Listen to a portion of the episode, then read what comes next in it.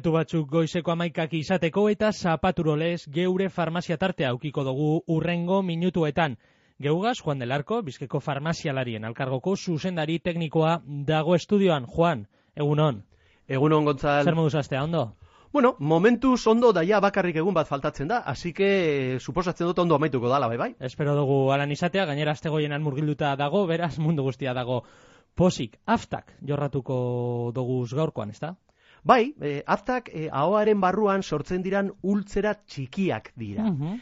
E, jende asko dauka aftak. Kalkulatzen da e, populazioaren euneko hogeia hogeita bosta dauka aftak eta gainera aftak errepikariak. Mm. Hau da, erekie aftak e, osatzen dira eta handik e, hilebete batera, e, e, hilebete batzutara barriro sortzen da edo sortzen dira aftak, ezta? Errepikariak dira.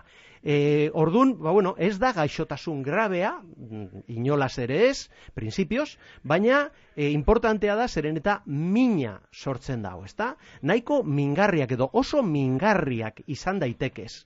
Normalean egun gutxitan berez sendatzen dira. Afta bat ez dau irauten amar, amabost egun baino gehiago. Hori bai, kontuten hartu behar da. Astebi baino gehiago irauten badeu, joan behar gara dentista gana edo mediku gana.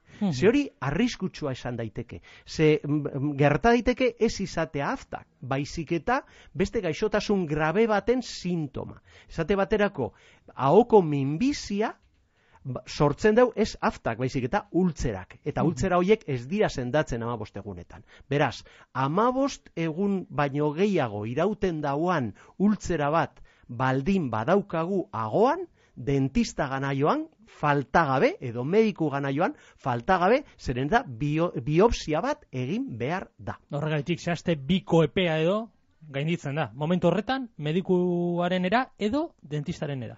Hori da, amabost eguneko epea, hori argi eta garbi, eduki behar dugu aftan kasuan, ezta? Aftak e, dira hori, esan duguna, ultzerak, ez dira zauriak, eh? dira ultzera batzuk, e, da ez dira sortzen, ba, zera, e, kolpe bat jaso dodalako, edo hori izango zen, zauritxu bat. E, aftak berez sortzen dira. Hiru motatako aftak dagoz. Zeintzuk dira? E, alde batetik, oikoenak deitzen dira afta txikiak. Eta zergaitik dira txikiak? Txikiak dira. Txikiak diralako. Hori Logiko. oso logikoa da, oso, oso oso logikoa. E, normalian dekie, ba, e, bost sentimetro, parkatu, bost milimetro edo luzeera, ez da? Biribilak edo oboideak dira. Mhm. Eta aho barruko eremu bigunetan sortzen dira. Hau da, Espainetako barrualdean, ahoko zoruan edo miaren azpian, masailaren barrualdean edo miaren alboko aldeetan. Hor, e, normalean hor kokatzen dira aftak, afta txikiak.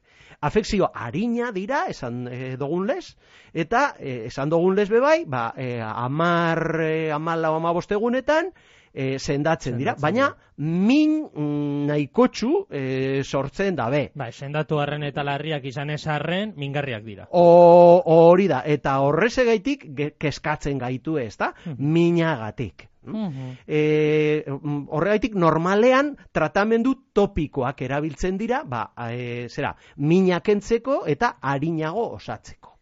Gero, ba, badago zer bai, afta handiak. Horik sakonagoak eta zabalagoak dira. Mhm. Sentimetro bat baino gehiago, neurtzen dabe, eta sendatzen direnean orbaina usten dabe.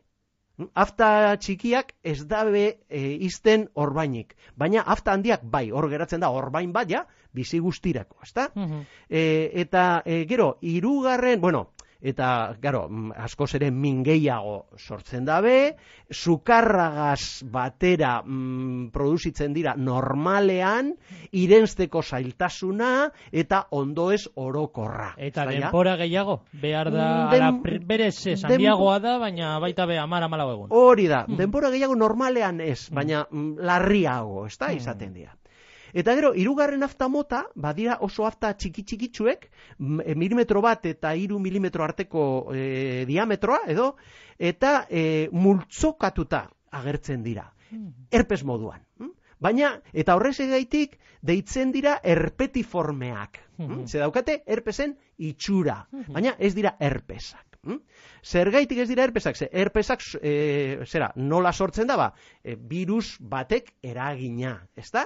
Eragindakoa. Ja, komentatu gendun programa baten, zeran herpes virus bat dala, ez da? Kasu honetan, aftak ez dakigu zergaitik agertzen diran. Ez dakigu kausa. Osea, ez dira infekziosoak, hori badakigu, ez dago bakteriarik, e, virusik, edo mm, protozo, edo dana e, sortzen dauanik aftak, baina badaude faktore batzuk errastu egiten dabela aftan agertzea. Eta, Alde batetik nutrizio defita, defizita. Esate baterako, ba, e, burdin gitxi, e, zink gitxi, azio foliko, edo e, B taldeko vitamina gitxi, euki, gero estres egoerak, edo ansietatea, bai, errasten deu, traumatismo lokalak, oso tipikoa da, ortodontzia aparatuak, edo e, ordezko hortzak daramaten pertsonak, afta gehiago dekie, beste pertsonak baino. Hmm. Eta gero, bebai, ba, produktu kimikoak, narridura sortzen dabenak, esate baterako, e, e, zera, e, hortze pasta batzuetan, sodio lauril sulfatoa dago, hau detergente bat da, eta askotan hmm. erabiltzen da. Ba hori, errastu egiten deu aften e, agerpena. agerpena. Hmm. ez, ez da kausa, eh? ez, du, ez du sortzen afta, bai, baina errastu egiten dau. Hori da. Eta be bai, e, zera bat, e, elikadura batzuk, esate, elikagai batzuk, zitrikoak, pina edo anana, edo gaztak, baita ere errastu egiten dabe.